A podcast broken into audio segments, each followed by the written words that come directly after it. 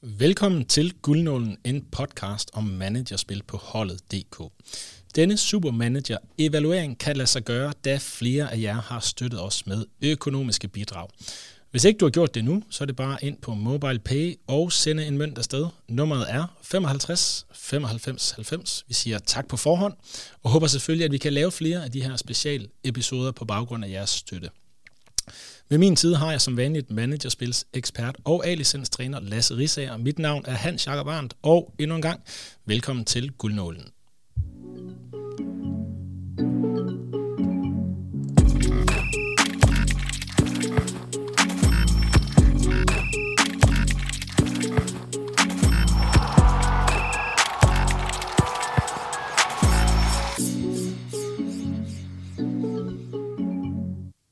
Velkommen til, Lasse. Mange tak, Hans øhm, det, det her afsnit er jo et afsnit, vi har glædet os rigtig meget til at optage først og fremmest, men det er også et afsnit, vi øh, har teaset lidt for, at vi rigtig godt kunne tænke os at lave. Øhm, og kigge lidt tilbage på, øh, på, hvad der er sket i sådan en Superliga-sæson. Så nu gør vi det. Ja, vi har faktisk teaset så meget for det, så der er, flere, der er i hvert fald en lytter, som har været ude og sige, hvornår kommer det så? Ja, og nu kommer det. Ja, nu kommer øh, det. Og det kan være, der er 20, der lytter med. Det kan være, der er 500, der lytter med. Det kan være, der er 2000, der lytter med. Vi ja. ved det ikke. Nu prøver vi det i hvert fald af. Øhm, det kan lade sig gøre, fordi at der er rigtig mange, der, der støtter os inde på Mobile Pay. Øhm, og øh, det er jo rigtig fedt. Hvis ikke man har gjort det endnu, eller man vil støtte endnu en gang, jamen så er det bare øh, ind og sende mønt afsted. Nummeret står også nede i, i show notes her. I afsnittet her, Lasse, der kommer vi jo til at kigge på Superliga efterårssæson, som netop er, er færdigspillet her i starten af december. Vi kommer til at fokusere på det hold, der vandt spillet, og så kommer vi til at drage paralleller over til vores eget første hold, ja. som blev top 3%, og det er jo faktisk den, den ringeste placering, vi har opnået, Lasse, af de podcasthold, vi har lavet her det første år.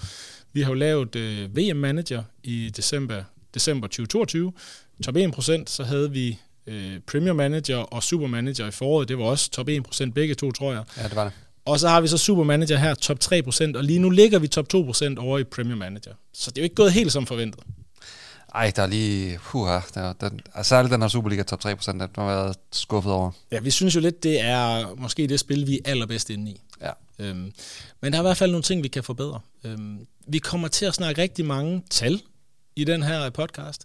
Men vi kommer altså også til at kigge på transferstrategier, Lasse, formationer og kaptajnvalg, hvor øh, det er noget mere, hvad kan man sige, spilstrategisk og noget mere kvalitativt, øh, der fylder ind, i stedet for udelukkende kvantitative ting.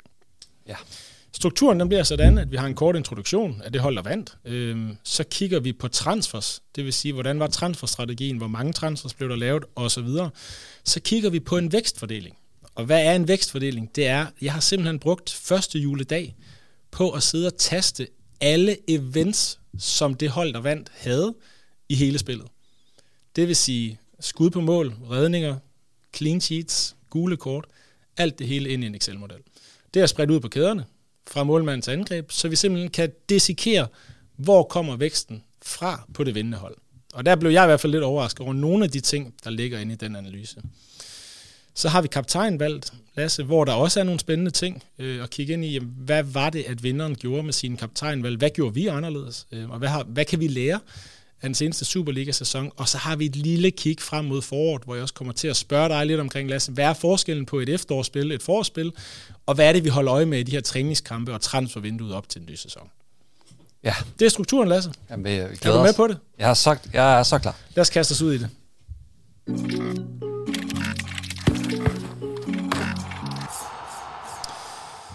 Vinderholdet, Lasse, det hed øh, Deluxe B, øh, og jeg ved, at det er også ham, der vandt vores miniliga.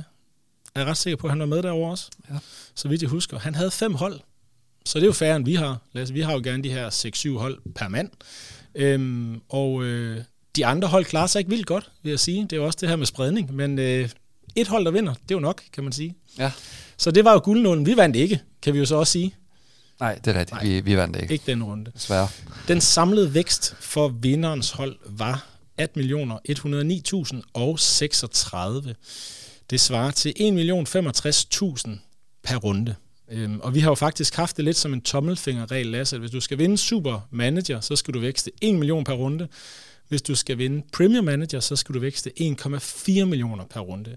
Og her vil jeg faktisk gerne gøre første nedslag, for lige nu over i Premier Manager, jamen der er væksten per runde for det, runde for det førende hold altså noget lavere, end det var i sidste spil. Og det kan man tilskrive en person primært, Holland. lige nøjagtigt. Han er jo blevet lidt dyrere i spillet her, og så har han ikke performet lige så godt. Så, så væksterne er faldet over i øh, Premier Manager. Holdet her, Deluxe B, det lå i top 10 fra runde 10 til runde nummer 17. Og grunden til, at jeg egentlig gerne vil have det med, Lasse, det er jo egentlig den pointe, som vi tit har snakket om, at hvis du får en god vækst i starten af spillet, jamen så har du også mere køb for til slutningen af spillet. Så er du enig i, at starten er, er meget vigtig i, i spillene her? Jamen det, det er jeg. Altså sådan, det, det tror jeg ikke, man kommer udenom, at det er vigtigt.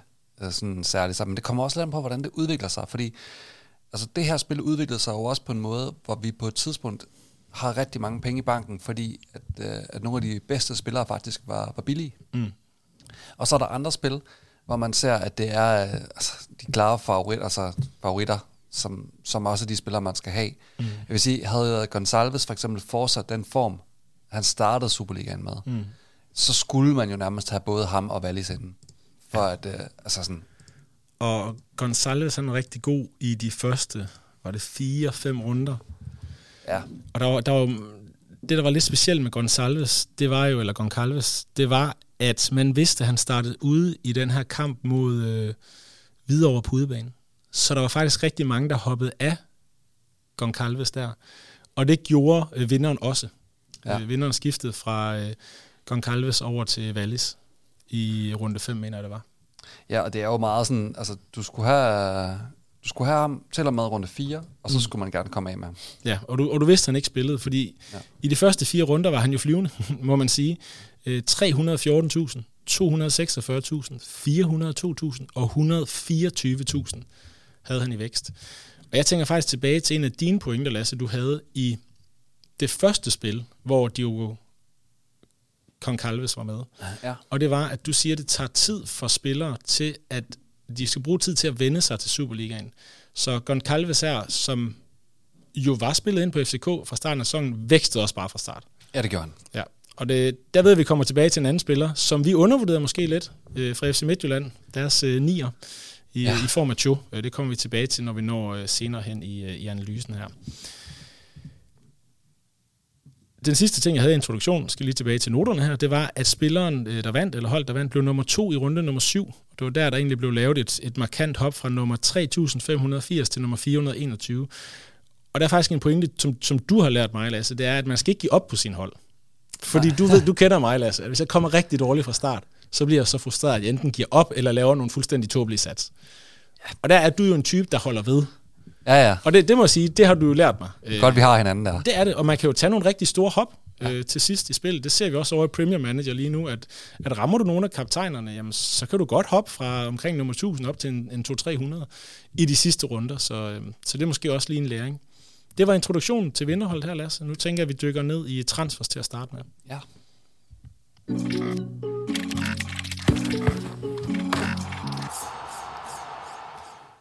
Synes du, Lasse, at vi har lavet for mange transfers eller for få transfers på øh, første hold? Jeg tror, jeg synes, at vi har lavet lidt for mange. Ja. Øh, fordi at Superligaen jo sådan, sådan er en, en, en ret konservativ liga, hvor, hvor det hele tiden har været vores pointe at sige, at de fleste hold kan, kan slå alle. Mm. Jeg synes så, at, øhm, at det her har jo ikke været sådan en Superliga, hvor man bare siger, at det har været fuldstændig på kryds og tværs. Altså, der har faktisk været en del hold, som har haft nogle, nogle runs. Også, og når man ser en, en, en stilling her ved, ved, ved jul, der hedder en top 3 bestående af Midtjylland, Brøndby og FCK, så må man jo også sige, at, at så er tingene jo sådan lidt, som man havde regnet med, at de skulle være. Mm. Der er måske Nordsjælland, som har skuffet lidt, men de startede til gengæld godt. Mm. Og OB er, hvor det plejer at være. Nede på en øh, 9. 9. 10. plads. Så alt er ved det gamle. Jeg vil sige, en, en ting med hensyn til holdene, er jo også det her med, at Hvidovre ikke har tabt så stort, som man egentlig forventede. Jeg tror, det var da vi var halvvejs i spillet, du havde en pointe om, at, at Hvidovre typisk kun taber med to mål. Altså, det er ikke 5 og 6-0 hver gang. Nej, øh, og jeg tænker faktisk også, at en af pointerne er, at noget af det, man sådan skal, skal huske at skrive sig bag øret, det er, at man ser oftest dermed, at lige når de, når de her oprykker kommer op, så, så spiller de med stor gejst og energi, og så, så får de tit nogle, nogle pæne resultater. Mm. Og så er der den her bølgedal, synes jeg, hvor, hvor man godt kan se, nogle, de, de kan få nogle store lusinger, men så sker der jo også noget i forhold til, at de stille og roligt begynder at vende sig til tempoet. Og typisk så ser man også her efter julepausen, at, øh, at så taber de ikke så stort mere. Nej. Enig. Altså det er vel faktisk kun øh, OB, som virkelig har givet dem en, en losing, kan man Ja, sige. så Brøndby i sidste runde, var det 4-0 eller 3-0? Ja, men jeg tror faktisk kun, det var 3-0. Okay, ja, det er jo heller ikke så voldsomt, trods alt. Altså, det er jo ikke sådan et hold, der, der, der har en masse store nederlag. Vinderen af spillet, han laver 34 udskiftninger i løbet af de her 17 runder. Øhm, hvis man tager runde 1 ud, så har du så 16 runder til at skifte i, for du bruger jo selvfølgelig ikke nogen transfers inden første runde, og det giver altså 2,31, øh, undskyld, 2,13 udskiftning per runde. Så rundt regnet to udskiftninger hver eneste runde, det synes jeg jo faktisk, Lasse, er forholdsvis meget. Ja, det er det også. Og det er også for meget. Øh, Er det det? Vinderen har vel altid ret? Ja, men det ved jeg godt, men, men det, jeg vil sådan umiddelbart sådan tænke, at det vil være for meget i forhold til, hvad du... Øh, nu har vi jo siddet og, og dissekeret hans, hans transfers. Mm. Og jeg vil sige, øh, vinderen har altid ret, og han, han laver nogle, nogle... Han har en timing i hans transfers, mm. særligt øh, altså sådan omkring midten af spillet, som er virkelig, virkelig god. Ja. Jeg, jeg tror stadigvæk, der vil være noget at hente på at kunne være lidt mere stabil ind i sit... Øh, ja, sådan ind i sit transferbudget. Men på den anden side, så, så, så har jeg det også lidt sådan, at, at man skal nok sådan tænke ind i, at der skal være flere transfers i forårsspillet mm. i Superligaen, fordi der er flere hold, der spiller europæisk, og derfor vil der være større rotation. I efterårsspillet. Ja, undskyld, i efterårsspillet. Yes. I forhold til forårsspillet, hvor man, hvor man nok vil se i en, i en højere grad, også fordi at mange holder ude af pokalen, at det vil være den samme stamme, der spiller gang på gang. Mm. Og derfor vil du kunne spille øh, med færre transfers. Ja. Vi laver 41 transfers med vores første hold, så det er altså syv transfers yderligere i forhold til vinderen på, øh, på 34. Og det synes jeg måske også er ret højt. Men der, hvor det bliver interessant, Lasse, det er egentlig, hvis du så kigger på, hvilken type af transfers øh, vinderen laver. Fordi jeg har prøvet at tage, hvad er den gennemsnitlige værdi af hver eneste transfer, øh, som, som vinder har lavet. Den er altså på 41.426. Det betyder, hvis man omregner det til værdi for spillerne, jamen, og jeg er godt klar over, at spilleren selvfølgelig stiger i værdi i løbet af spillet, men det svarer altså til spillere i prislejet med Kian Hansen, Gift Links og Jakob Bunde. Så det er jo ikke fordi, du skifter fra Cho til Wallis, til Kvistgården, til Patrick Mortensen. Det er jo et, et fornuftigt prisleje, det her. Og hvis du tager den et skridt øh, længere og kigger på, hvor mange handler har vinderen gjort, hvor han betaler over 50.000 i transfers, øh, eller i transfergebyr, så er det seks handler. Og tre af dem ligger altså marginalt over 50.000. Hvis du går op til plus 55.000 i transfergebyr, så er der altså kun tre indskiftninger, hvor at det transfergebyr er betalt. Det er Wallis i runde 5, det er Cho hen, var det runde 11-12 stykker, Ja. øhm, og så er det Vavro, der bliver købt tilbage, som også kun i anførselstegn var 55.000. Så der er faktisk kun to rigtig dyre handler, og det er fra Diogo øh, Concalves til Wallis, og så er det fra, jeg tror det er Kvistgården til Cho, øh, hen i runde 11-12 stykker. Ja, og det er lige præcis der, hvor jeg sådan tænker, at, at din research har været, har været lidt en øjenåbner, fordi når mm. du sådan siger, at når du spørger mig til, om jeg synes, antallet er for mange, så tænker jeg, ja, det er det. Mm. Men det er fordi, det er den type af transfers, han Ja, har lavet, det det. som virkelig, virkelig giver mening. Mm. Og hvis man så tager det et skridt videre og kigger på de her transfers, øhm, så har jeg lavet noget, Lasse, som jeg også har bedt dig dykke ned i. Det er det, der hedder klubtransfers. Det er et nyt indtry- udtryk, som vi har opfundet. Ja. Jeg er stolt af det. Men det er egentlig, hvor du køber mange spillere ind til den samme runde fra samme klub. Øhm, Så ud af de her 34 transfers, nu prøver jeg lige at nævne nogle af de transfers, der har været undervejs, og så kan du måske forklare, hvorfor de har givet mening, og hvorfor de er blevet lavet på det tidspunkt, som de er. Ja. I runde to allerede, det kommer lidt bag på mig, der har han fire udskiftninger til Viborg-spillere. Så i runde 7, fire Silkeborg-spillere. I runde 11, tre Midtjylland-spillere, inklusiv Cho. Det var der, du havde en af de, de dyre udskiftninger. Så er du hen i runde 14, tre Lyngby-spillere. Runde 15, fire Vejle-spillere. Så det er altså bare dem, jeg har nævnt her. Det er 4, 8, 11, 14, 17 af de 34 udskiftninger. Det er halvdelen. Det er, hvor der bliver lavet klubsats mere end spillersats. Og hvordan er det så, at det har givet mening med timingen her, og det antal, som jo er forholdsvis højt? Jamen den første, som, altså hvis vi lige tager dem en af gangen, så siger, den første, de laver runde to, hvor han skifter til fire for Viborg, mm. der er det jo, det er jo fordi, at Viborg har Nordsjælland ude i runde et. Ja. Og den taber de også stort. Men han har jo is i maven, og det kan jeg huske, den her, den, den står meget klart for mig, for den, den diskuterede vi to også Ja. ret meget. Fordi så havde kampprogrammet Lyngby hjemme, mm. OB ude, Hvidovre hjemme, Vejle hjemme. Og vi var meget Hvidovre hjemme, Vejle hjemme. Der går vi over på dem. Mm. Øh, fordi vi synes, at det er, det er faktisk kun FCK, som også får altså den kombi på et tidspunkt. Ja. Altså, Ja. senere hen spillet. Og det var, det var ret unikt, fordi vi havde Hvidovre og Vejle som værende det klart dårligste hold ja. i vores optik, da, vi, da sæsonen skulle til at starte. Ja. Altså her må man sådan sige, der får han jo mellem ud af det. Det bliver to uafgjort og to sejre, og det er mod OB og mod Vejle. Og så er det efterfulgt af et nederlag til, til Randers i runde 6. Men ja. altså, de spiller jo uafgjort med, med Hvidovre hjemme, 2-2 faktisk. Ja. Og de spiller uafgjort med Lyngby hjemme også. Altså det han så rammer, det er jo, at, at en af de spillere, han køber ind på, er jo Imenta, som, som laver noget af sin vækst her i de her runder. Mm.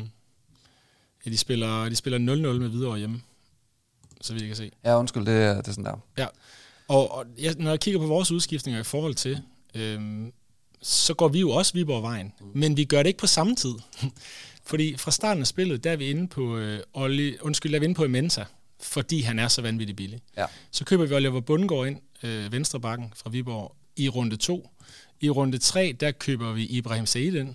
Og i runde 4, der køber vi Serginho ind. Ja. Så det bliver meget mere spredt, i stedet for at rykke samtidigt. Det er i hvert fald en, en konklusion på den Viborg-transfer, kan man sige. Ja, og jeg, jeg synes, ud fra kampprogram, så, så gav det her jo rigtig god mening. Altså, jeg ja. tror ikke, vi havde set, at OB ville få den sæson, de ville få øh, allerede her på det her tidspunkt i runde 2. Nej. Men altså, det må man sådan sige, det er jo, det er jo selvfølgelig godt set af ham. Mm. Så, så har han to store skift efter hinanden, hvor jeg vil sådan sige, her rammer han timingsmæssigt virkelig, virkelig flot. Altså Ja. i runde 7, der skifter han til 4 for Silkeborg. Ja. Og øh, altså, det er jo, hvor de skal møde Hvidovre hjemme, OB ude, Viborg hjemme, og så Randers ude. Ja. Det bliver altså tre sejre i træk, inden det så igen bliver nederlag til Randers mm. i, i runde 10. Ja. Men, men det er jo der, hvor, hvor, Silkeborg rammer den her stime, hvor jeg kan huske, at vi sidder og kigger på Silkeborg og tænker sådan, ah, jeg synes ikke, det er imponerende, altså det, de går ind med. De taber den første runde til, til Brøndby, hvor de er bedst, men, men vi to sidder og har en snak om at sige, jamen, jamen kan det her bære, det her hold? Altså de, vi synes, der har været lidt for, for stor en overladning. Mm.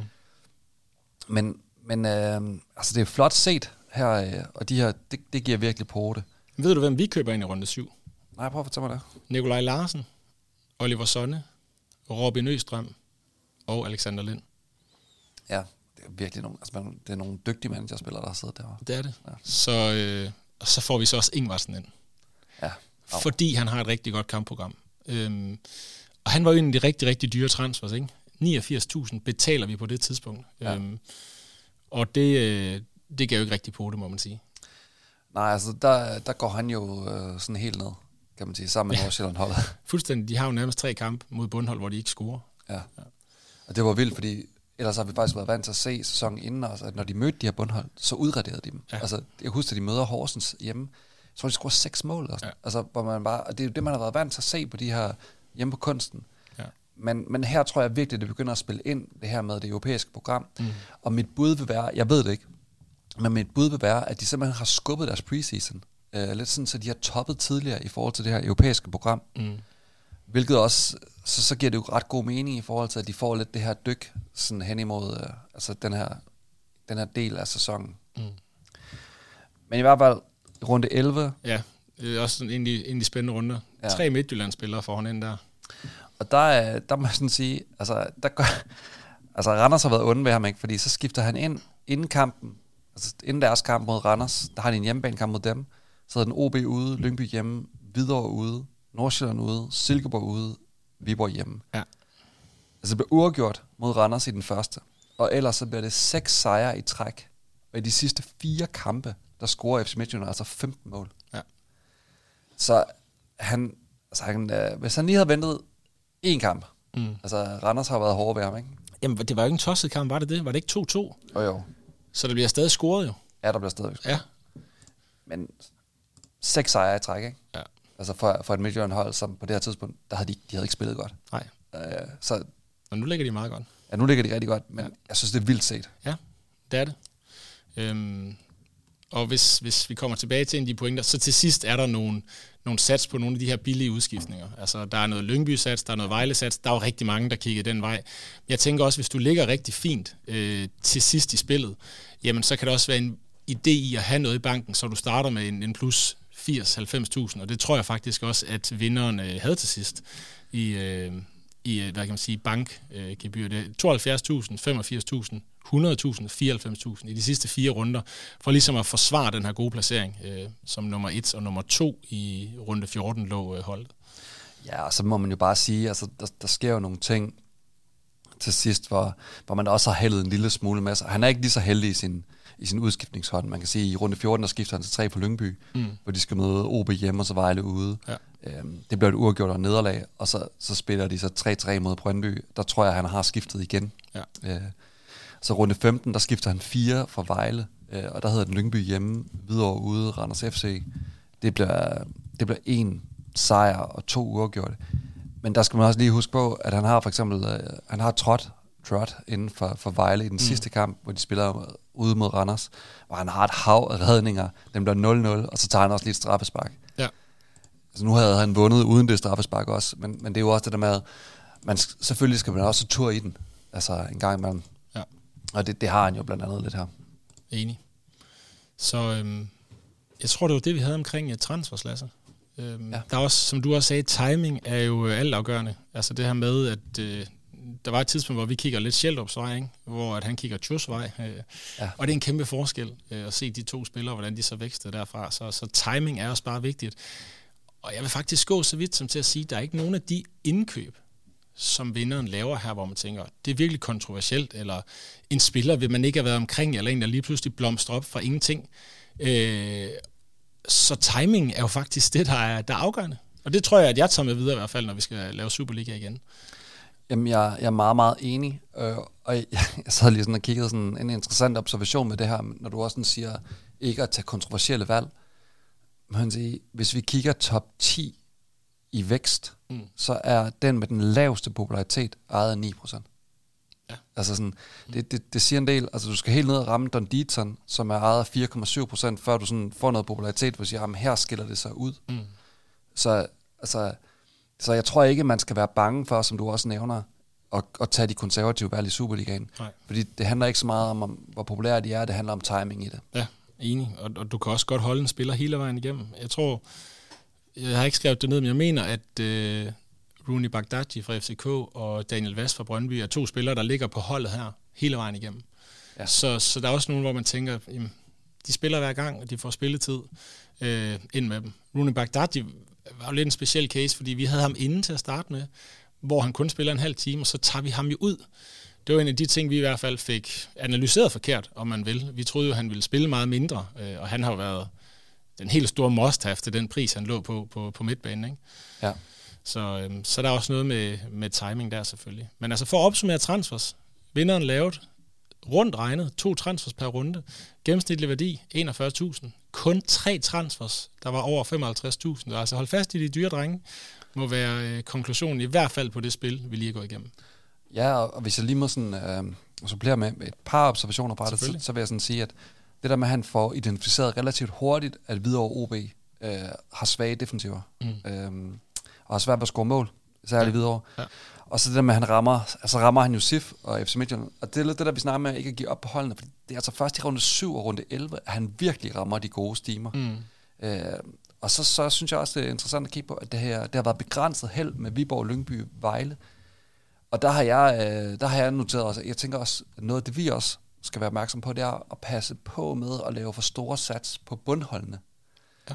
Øhm, fordi at, at så er der ikke større forskel, at når Vejle møder videre, Nej. så er det ikke sikkert, de vinder. Nej, Øhm, enig. ja. Så, øhm, og vi kommer lidt tilbage til videre pointerne, når vi når til kaptajnvalget også. Ja. Men lad os gå videre, Lasse, til øh, vækstfordeling. Fordi der er også nogle in- interessante observationer derovre.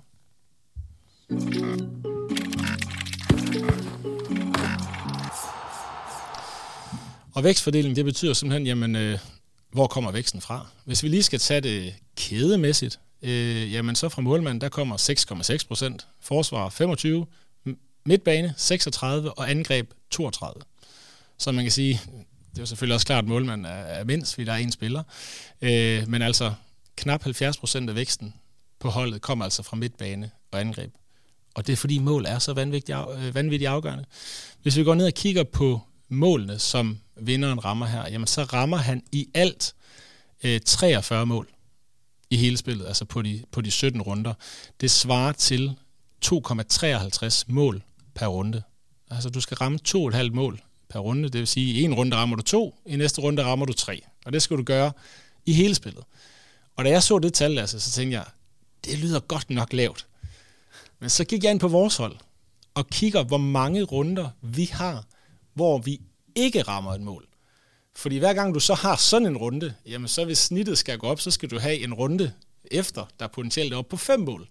Øh, og det får man jo meget, meget sjældent i Superligaen. Øh, selvfølgelig kan du også brede ud med flere runder med tre mål, men man skal næsten ramme noget hver runde. Når jeg går ind og kigger det, altså to og et halvt mål er faktisk forholdsvis højt i en Superliga, hvor der ikke bliver scoret lige så mange mål, som der gør i Premier League, eller Bundesligaen, eller Champions League. Nej, og det bare er svært at, at ramme målscore. Ja. Så altså to og et halvt mål skal man ud og ramme, hvis man skal vinde. Assist, endnu lavere. Du skal ramme 1,18 assist per runde, hvis du vil vinde spillet. Og øh, assistene her på vinderhold, der kom 11 fra angriberne, 5 fra midtbanen og 4 fra forsvaret. Jeg fik måske ikke sagt det med målene, men der kom 18 fra angriberne, 21 fra midtbanen. Det vil sige flere fra midtbanen end fra angrebet. Og fire kom fra forsvarsspillere. Øh, og der tror jeg, et eller to af dem var fra Daniel Vass. Jeg tror også, et var fra Vafro måske. Ja. Øhm, så hvad siger det dig, Lasse? Altså, to og et halvt mål per runde, en assist. Det lyder i min optik så meget lidt. Ja, altså sådan, det var også min første tanke. Altså, så prøvede jeg at gøre det, som du gjorde. Ikke? Ja. Altså, så sad jeg sådan og tænkte, okay, men altså, hvis du har så har Wallis og Lind inde i alle kampe, Ja. og de scorer 10 mål hver, Ja. så er det stadigvæk ikke nok. Du er ikke engang halvvejs. Nej. Øh, så, så, så, så den er øhm, den er altså svær. Mm. Altså det er ikke bare lige noget, man gør. Øh, også fordi der er jo ikke de her kampe, hvor man sådan, vi sad og snakkede om, at Hvidovre var det dårligste hold. Mm. Men, men der har bare ikke været ret mange kampe, hvor, hvor der er et hold, der bare vinder Nej. 4-5-0. Der er OB's 5-1 Ja. sejr i Hvidovre, ikke? Og det er jo næsten den eneste. Ja, og der vil jeg sådan sige, det er jo den første, nu må du, du det er jo dig, der er OB-ekspert Ja. her, men altså, det, så vidt jeg husker, så er det den første kamp, hvor Don Dietzen sådan virkelig altså, brænder igennem. Ja, han bliver skiftet ind i pausen. Ja, Så det, så, øh, så det er jo ikke sådan, den havde man heller ikke lige set komme. det havde man ikke. Øhm, så altså to og et halvt mål, øh, en assist. Det vidner jo også bare om, hvis du kan ramme nogle af de her spillere. Rooney Bagdadi, jeg kan ikke huske, hvor mange mål han har lavet indtil videre, men er det en 7-8-9 stykker? Ja, det, det er der, jeg tror, det er syv faktisk. Ja, så er det i hvert fald et stykke deroppe af, ikke? Altså 7 ud af 43. Ja, det er syv. Ja, det er alligevel 16 procent. Du rammer ved at bare have Rooney Bagdadi liggende øh, hele vejen. Hvis vi kigger på clean sheets, Lasse, jamen så rammer vinderen 23 clean sheets i 17 runder. Det svarer til 1,35 clean sheet per runde øh, i forsvaret, skal ja. Ja. det siges. Så det vil sige, at en af dine tre forsvarsspillere skal i gennemsnit gerne ramme et clean sheet. Jamen, og det, det, øh, altså det, jeg tager med derfra, det er, at jeg sådan tænker, måske man sådan skal, skal tænke endnu mere i det, vi også har talt om nogle gange i podcasten, det der med at lave decideret klubsats. Mm. Altså noget, sådan, så man sådan kan sige, det kan godt være, at man, at man ikke rammer, øh, hvad hedder det, hver gang, men hvis du så rammer en gang, hvor du har, lad os sige, tre forsvarsspillere og en keeper, altså Mm. så er du bare rigtig langt i det regnskab Ja. allerede. Og så tror jeg også det der med øh, at, at huske at kigge, øh, at kigge steamer, også Mm. defensivt. Altså nu har jeg, må jeg sige, min egen øh, fodboldkarriere sådan gjort mig mest på de offensive pladser, men jeg Stor havde, karriere. Ja, stor karriere, ikke? Men, men jeg havde alligevel et par sæsoner nede bagved, og der kan jeg sådan huske, at den følelse af, at man, man kunne godt få en, en mentalitet, der sagde, vi kommer ikke til at lukke mål ind. Mm. Øh, og jeg synes jo også, nu, nu har jeg jo fulgt øh, Brøndby mest intens, at mange af deres clean sheets er også kommet i steamer. Mm. Øh, så, så det der med også at ramme defensive steamer. Enig. Så altså øhm, en spiller i snit, cirka skal du ramme, Ja. nede, øh, og så enkelte runder skal du have to. Og der tænker jeg også, en ting jeg tager med fra de her 23 clean sheets, det er også, hvis du for eksempel køber to eller tre spillere ind fra samme hold i forsvaret, altså ikke målmanden, jamen så selvom de har en dårlig kamp i de næste fire, jamen så kan det næsten godt betale sig at holde dem, fordi du behøver ikke ramme clean sheet hver gang. Vi sidder jo rigtig meget, Lasse, og optimerer clean sheet sandsynligheder hver eneste runde i forhold til kampprogrammet. Og nogle gange tror jeg godt, man skal have lidt is i maven og sige, jamen, clean sheet sandsynlighed er marginalt højere, hvis du skifter over til, lad os sige, Silkeborg i stedet for Viborg. Men i næste runde, der er vi altså tilbage til, at Viborg har en større clean sheet sandsynlighed, for eksempel. Ja, man kunne sagtens sådan, prøve at kigge lidt ind i at lave nogle, nogle bufferregler for sig selv og sige, jamen, ja. altså, hvis, hvis det skal være nok til, eller vi rent tænker, at det skal skifte, hvor mange procent er det så, at, ja. at det her swing skal være på? Præcis, og der kan jeg i hvert fald sige, hvis man sidder og regner den forventede værdi af clean sheet sandsynlighederne, så skal den være noget større, end man lige tror. Ja. ja. Så det var altså clean sheet i forsvaret. Clean sheet målmanden, øh, der rammer han seks gange ud af de 17. Øh, så det er rundt regnet igen hver tredje runde, at der ligger et clean sheet for målmanden. Det er heller ikke vildt højt. Nej, nej, det er det ikke. Øh, men igen, det er svært at finde clean sheets i Superligaen. Øh, så, så altså hver tredje kamp skal man gerne ramme et clean sheet på målmandspost. Og så har man også han har i hvert fald taget et straffe, ikke? Så det kan også være, han har været... Præcis, ja. præcis. Det kan selvfølgelig også tælle op. Nu er det bare clean sheets, vi, ja. vi lige kigger på her. Det var så splittet, hvad kan man sige, øh, angreb, midtbane, forsvar og mål. Hvis man så kigger på selve eventsene, altså hvor meget tæller et mål. Scoringer i alt, Lasse, de står for en tredjedel af den samlede vækst, og det er den samlede positive vækst, man kan opnå i spillet. Det vil sige, at jeg har taget gule kort ud, øh, ikke på banen ud, øh, scoringer imod ud. Så er den positive vækst, man kan generere, der kommer en tredjedel, altså fra mål. Der hvor at jeg bliver lidt overrasket, det er, at den næst mest betydende, om man vil, vækstmotor i spillet, det er hold score. Ja. Altså den her 10.000, du får hver gang dit hold scorer. Øh, og det må jeg også sige, det må være, fordi det er så svært at ramme målscorer. Øh, jeg tænkte, at sidst ville være nummer to, hvis jeg skulle sige det sådan uden at, at vide det. Men altså hold score står for 16 procent af den samlede vækst i spillet. Men det er også sjovt, hvor meget vi sådan tit sidder og kigger på, hvor vigtigt det er at ramme det her clean sheet, som giver mm. 60.000. Ja. Altså, altså score dit hold øh, tre mål, jamen, mm. så er det jo et halvt clean sheet ja. allerede der. Ikke? Det er det. Så en 3-1 sejr kan altså være rigtig god, også for en forsvarsspiller. Ja. Den tredje mest øh, afgørende vækstmotor, det er sejr. De har 25.000. Den står for 15,4 procent. Og det er altså eksklusiv den bonus, du får på 10.000 for en udbanesejr. Den kommer ja. senere. Så den tredje mest øh, afgørende. Den fjerde mest, det er clean sheet. 8,8 procent. Den femte mest øh, afgørende, det er på banen. 7,1 procent. Den er mere afgørende for vinderholdet, end assist er. Det er vildt nok. Ja. ja. Og så kommer assist, 6. mest afgørende vækstmotor, 6,6 procent kun kommer der fra assist. Og vi snakker jo så meget, Lasse, om offensiv backs, kreatører inde på midtbanen, der kan lægge de andre spil op. Men man må også bare sige, set i det store regnskab, er assist ikke særlig afgørende.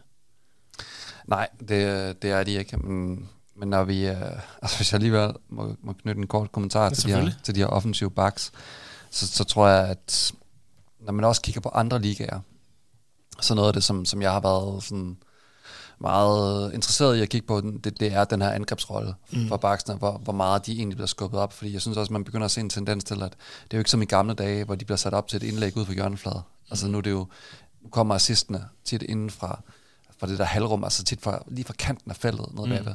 Og når du er så tæt på, så, så betyder det altså også, at der kommer flere scoringer i de her... Vi så en Mardo Gusto her senest for, ja, for Chelsea for eksempel, som kommer i nogle rigtig giftige situationer.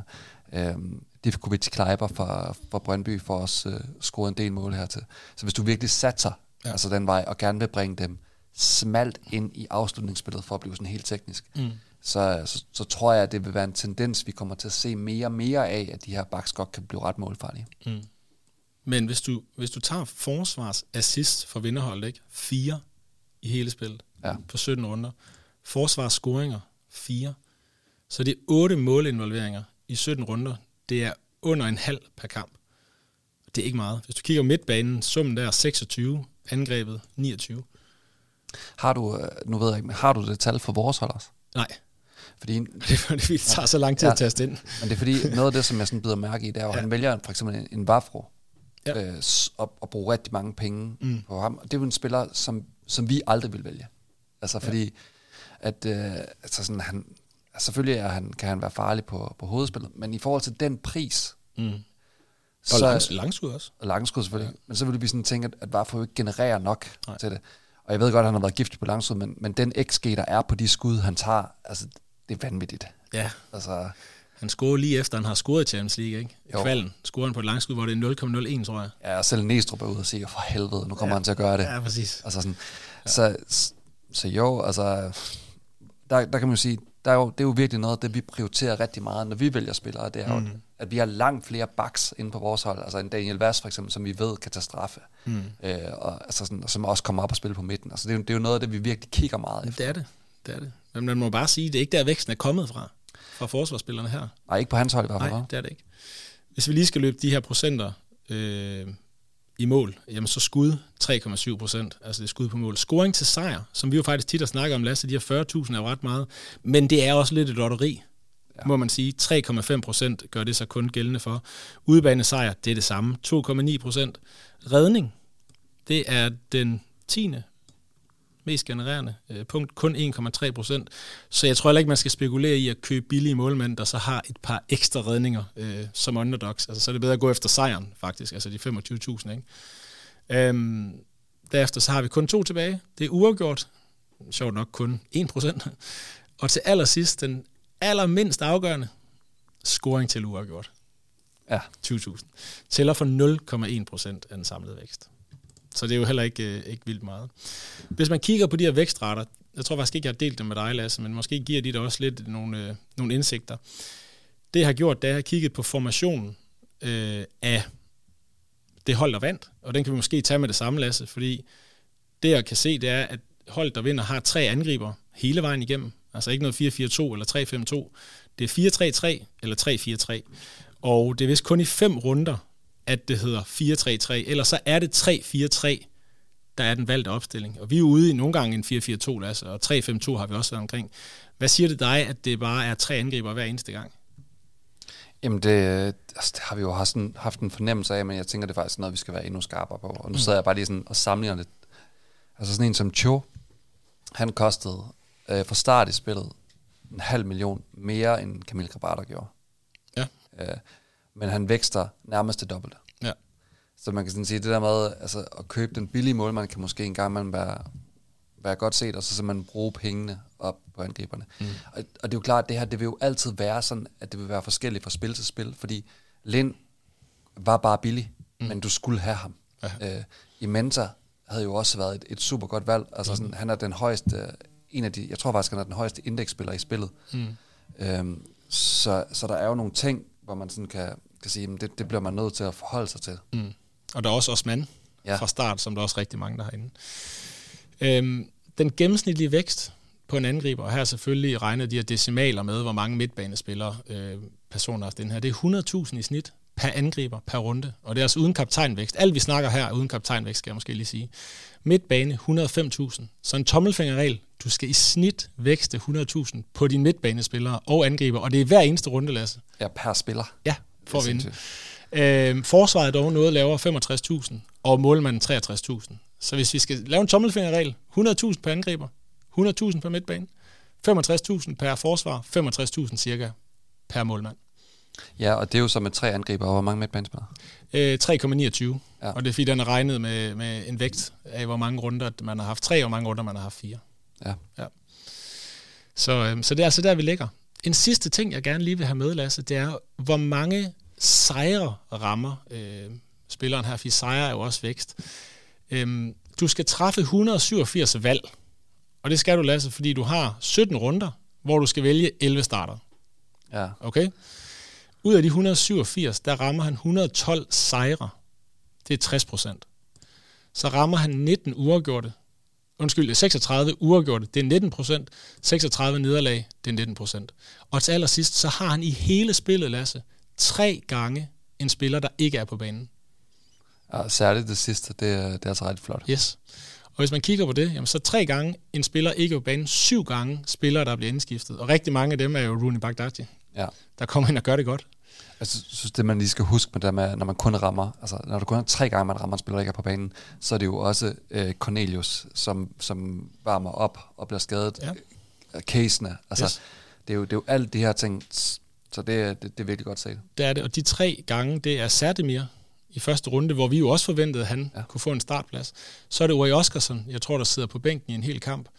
Og den sidste, det var, det var Blas Rivieras, hvor du sagde, at han var ved at blive solgt. Ja, Så han øh, sad over i en kamp, hvor man forventede, at han faktisk ville spille.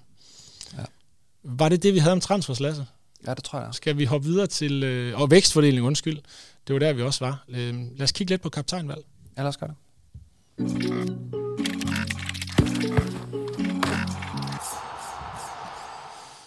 I kaptajnvalg, Lasse, jamen, øh, der er jeg gået ind og kigget på, hvad der er valgt øh, på det vindende hold her hele vejen igennem. Det er jo 17 valg, der skal træffes. To gange har vinderen haft en midtbane. Det var Diogo øh, Goncalves i første runde, og så var det Valles i sidste runde. Men alle spillere derimellem, det var angriber. Øhm, Kvistgården blev valgt fra runde 2 til runde 8 i hver eneste kamp. Og det er det eneste sted, hvor jeg måske synes, der var noget, der var suboptimalt øh, på vinderholdet her. Fordi det var altså inklusiv udekampe mod FC Nordsjælland, FC Midtjylland og AGF. Og der vil jeg bare sige, jeg tror godt, man kunne have fundet nogen, der havde genereret en højere forventet vækst. Især når du havde Diogo øh, Goncalves, i hvert fald i den første øh, af de, de tre kampe nævnt her. Ja, det tænker jeg klart, man, må, man kunne have fundet. I de sidste runder, altså fra runde 9 til runde 17, jamen der er der et rimelig klart mønster. Og det er, at man har valgt nieren fra dem, der møder Hvidovre, Randers eller Lyngby. Ja, og det øh, giver jo meget god mening. Ja, og jeg kan sige 1, 2, 3, 4, 5 af de sidste 8 runder, der er det nieren på modstanderhold for, Lyng, for, for Hvidovre, der er valgt. Ja. Øhm, så det skal man måske også tænke ind i, at der ligger noget god vækst, øh, trods alt mod Hvidovre. Det kan godt være, at de ikke lukker fem mål ind, men, men angriberne scorer altså i hvert fald mod Hvidovre. Ja, og det er jo tit, det der, når man ser et kampbillede med et hold, der står meget lavt, så er det jo tit de der spillere, som befinder sig meget i boksen, og som er dygtige til det. Præcis. Og øhm, hvis man kigger på, sådan, hvor mange gange man har ramt en kaptajn, der laver det, der kaldes en målinvolvering, det vil sige enten mål eller assist, så er det altså i 11 af 17 runder. Øh, Så igen, cirka to ud af tre runder skal du altså ramme noget med kaptajnen. Enten en, øh, en assist eller et mål.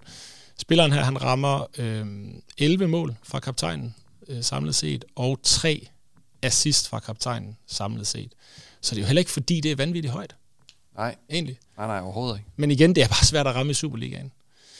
Øhm, yes. Så det var omkring, er der andet, vi skal omkring kaptajnvalget? Det var sådan en kort oplistning her. Han har Unuka i runde 15 og 16, fordi de har gode kampe hjemme mod Lyngby, ude mod Hvidovre. Så det behøver ikke være de helt dyre spillere altid som kaptajn måske. Nej, altså det eneste, jeg vil sige, det er jo det der med, at man, man skal jo, det er jo sådan en tommelfingerregel generelt, at man skal altid sikre sig, at man har et godt kaptajnvalg Mm. til, altså sådan, og det er jo, altså der, der kan transfergebyret om, om noget forsvares, at man Mm. sådan sørger for, for, fordi det er så vigtigt. Ja.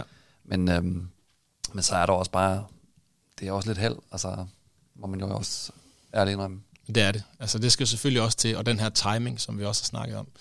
Så kaptajnvalget, Kvistgården, synes du, det var godt kaptajnvalg så mange runder i streg? Nej, det synes jeg Det var der dårligt. otte gange. Den, I halvdelen af spillet ligger Kvistgård som kaptajn. Ja, det, det forstår jeg overhovedet ikke. Nej. Så det er vildt nok, at man kan vinde med, med Kvistgården som kaptajn. Ja. Til sidst, Lasse, en, en ting, vi har øh, med, jeg, jeg, kan- jeg kan slet ikke huske, om vi har brugt de her breakers. Vi er Det fuldstændig, ikke. nej, det er i Det- orden. det er vi snakker bare videre. Ja. Øhm, et kig frem mod foråret til sidst her. Øh, Vi kunne jo snakke i flere timer om det her, vi har rundet tre kvarter. Tre ting har jeg skrevet ned. Den første, det er forskel mellem efterårs- og forspil. Hvis du skal nævne et par punkter der. Vi har faktisk været lidt omkring det allerede, det her med, at der ikke er europæiske kampe. Mm. Øh, der er færre hold, der er med i pokalen. Altså det er den ene ting, så, så, så man skal forvente markant mindre rotation. Ja. Øh, vi regner med, at FCK ryger ud til City. Mm. Så, så når de er ude af det, så tror jeg, altså, at vi vil se et, altså et bedre spillende FCK-hold. Ja. Øh, så vil jeg sådan sige, at noget andet, man også sådan virkelig skal skrive sig bag øret, det er jo, at fem kampe inden, så bliver det jo delt i, i mesterskabsslutspil og kvalifikationsspil. Ja. Og øh, altså sidste år, der tænker jeg, at der var en af de helt store nøgler til at vinde det, det var at være inde på Midtjylland, som var det klart bedste hold i kvalifikationsspillet. Ja, der var også et hold, der gik igennem de første ni. Ja. kampe i kvalifikationsspil uden nederlag. Jamen det er rigtigt. Og så... Øh, hvem var det, Lasse? Det var OB. Ja, præcis. Men det er det der med, kan man finde det hold? Ja. Øh, vi kan jo allerede nu sige, at vi, vi kigger jo lidt på Viborg, fordi de får nok meget, meget svært ved at komme med i mesterskabsspillet. Men på den anden side, så har de faktisk et rigtig godt kampprogram allerede de første fem kampe, og vil nok være et af de hold, som kommer til at klare sig fornuftigt Ja. i, øhm, i kvalspillet. Enig, og, og top 6 er jo nærmest afgjort. Der er jo historisk stor øh, afstand fra nummer 6 til 7, kunne jeg læse. Ja, og det er jo, det er jo lidt det der med, at man skal passe på, at man ikke... Altså, det er en typisk managerfejl, at man sådan ser så lidt blind på at sige, jamen, altså, de gode spillere, det er jo det er Brøndby, det er FCK, det er mm. Midtjylland, det er, det er Nordsjælland, det er AGF. Mm. Men så bare husk, at de skal jo ligge og møde hinanden hele tiden. Ja, så, det skal det. Så det der med at få meget store favoritværdigheder der, det, det, det bliver også lidt svært. Ja. Øhm, Jamen det tror jeg egentlig var også de ting, jeg har skrevet ned. Træningskampe plejer vi også at holde lidt, lidt øje med. Transfermarkedet kan der også ske noget, men, men det tager man jo lidt, som det kommer. Øh. Ja, vi kan vel godt sige noget, der vi glæder os rigtig meget til uh, her med det nye år. Altså sådan, det er jo det der med, hvis, hvis du virkelig gerne vil gøre en forskel, så er det jo det der med at finde den spiller, som har vundet pladsen mm. i træningskampene. Og det er tit et talent, eller en spiller, der kan blive omskolet, eller nogen, der sådan virkelig bare sådan har været varme op igennem træningskampene. Ja. Og der har, altså, du plejer at være god til at ramme det med OB, og jeg plejer mm. at være, være god til at ramme det med Brøndby, fordi vi ser de her træningskampe. Ja. Men der glæder jeg mig rigtig meget til at se, hvad det her guld 011 kommer til at give. Ja, enig. Fordi lige pludselig så står vi med klubeksperter fra alle Øh, og det, det bliver rigtig, rigtig interessant. Og guldnålen er jo inde på X, altså det gamle Twitter, hvor man kan se de her forventede startopstillinger. Det kommer vi selvfølgelig også til at bruge op til første runde. Første runde, der kender man jo startelveren for Viborg og OB, så det kan være, at man skal ind på nogle af de hold.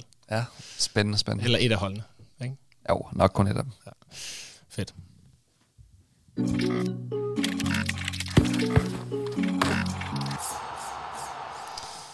Er der mere, vi skal have med i evalueringen her, Lasse, udover at vi ikke vandt guldnålen? Og vi vender tilbage, selvfølgelig. Ja, vi vender stærkt tilbage. forsøg igen. Nej, det, øh, det synes jeg faktisk ikke. Øh, det du, har, vi har været, du, har været, du har været dybt nede i, i dataafdelingen. Det har været en fornøjelse at få ja. lov til at, at sidde og kigge lidt på. Det var fedt, og vi, øh, vi kigger selvfølgelig måske noget på det her statistik også, når vi starter det, det nye øh, spil hen en gang i februar, og siger, hvad er det faktisk, vi skal ramme for at vinde, og se, hvordan vi, vi klarer os. Til sidst, Lasse, så plejer vi at sige tak til vores samarbejdspartnere, og dem er vi også glade for, Spileksperten Bet365, men vi siger altså en ekstra tak i dag til dem, der har støttet os ja. ind på MobilePay, fordi det er dem, der har gjort det muligt at lave det her afsnit. Hvis I kunne tænke jer flere afsnit eller det her, jamen så kom ind på MobilePay og send en øh, mønt afsted. Det vil vi sætte rigtig stor pris på. Til sidst vil jeg bare sige øh, glædelig jul til alle sammen, og et rigtig godt nytår lige om hjørnet på genhør i det nye år. thank you